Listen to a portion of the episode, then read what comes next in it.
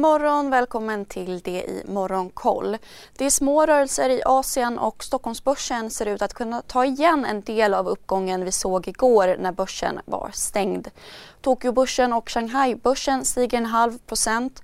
Shenzhenbörsen backar svagt och Hongkongbörsen är ner en halv procent. Australiens centralbank höjer styrräntan med 50 punkter till 0,85 procent vilket var mer än vad marknaden väntat sig. Den australiensiska dollarn stärktes efter beskedet.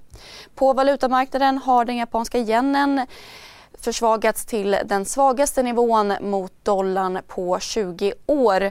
På räntemarknaden har både den amerikanska 5 och 10-årsräntan letat sig över 3% och Kinas inköpschefsindex för tjänstesektorn steg till 41,4 i maj vilket var något lägre än väntat. Vidare fick Storbritanniens premiärminister Boris Johnson majoritetens stöd i parlamentets misstroendeomröstning igår. Misstroendet gällde festerna på Downing Street under pandemin då regeringen bröt mot landets hårda nedstängningsregler. Och brittisk detaljhandelsförsäljning sjönk 1,5% i maj i årstakt vilket var en mindre minskning än förra månaden. I USA stängde börserna på Wall Street svagt uppåt igår efter fredagens breda fall. S&P 500 var upp 0,3% Långräntorna är fortsatt höga efter fredagens jobbsiffror som enligt analytiker CSRD, ännu en förkortning som väcker känslor hos företagare. Men lugn, våra rådgivare här på PWC har koll på det som din verksamhet berörs av. Från hållbarhetslösningar och nya regelverk till affärsutveckling och ansvarsfulla AI-strategier. Välkommen till PWC gav stöd till förväntningarna om en aggressiv åtstramning från den amerikanska centralbanken. Antalet sysselsatta utanför jordbrukssektorn ökade mer än väntat med 390 000 personer i maj. Bland bolagen steg e-handelsjätten Amazon 2% efter aktiesplitten där en aktie delas i 20 medan Twitter pressades något efter att Elon Musk hotat att dra tillbaka sitt bud och anklagat bolaget för att undanhålla information om fejkkonton på plattformen. Och USA kommer få svårt att undvika en recession. Det sa den amerikanska banken Citys VD Jane Fraser under en investerarkonferens på fredagen. Hon sa även att det är en större risk att Europa går in i en lågkonjunktur på grund av energikostnader som påverkar energipriserna i flera bolag.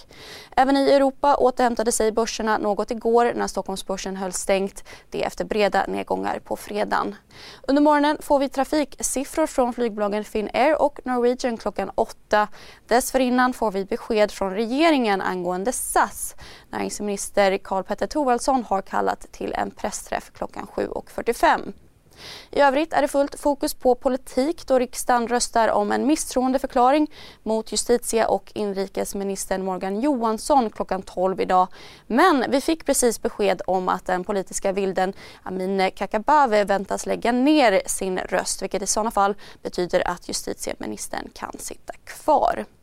Mer nyheter hittar ni som vanligt på sajt. Ha en trevlig dag.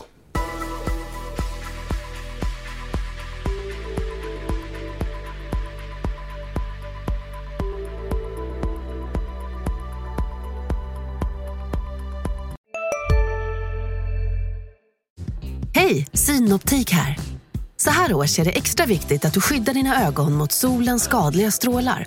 Därför får du just nu 50% på ett par solglasögon i din styrka när du köper glasögon hos oss på Synoptik. Boka tid och läs mer på synoptik.se. Välkommen! CSRD, ännu en förkortning som väcker känslor hos företagare. Men lugn, våra rådgivare här på PWC har koll på det som din verksamhet berörs av. Från hållbarhetslösningar och nya regelverk till affärsutveckling och ansvarsfulla AI-strategier. Välkommen till PWC.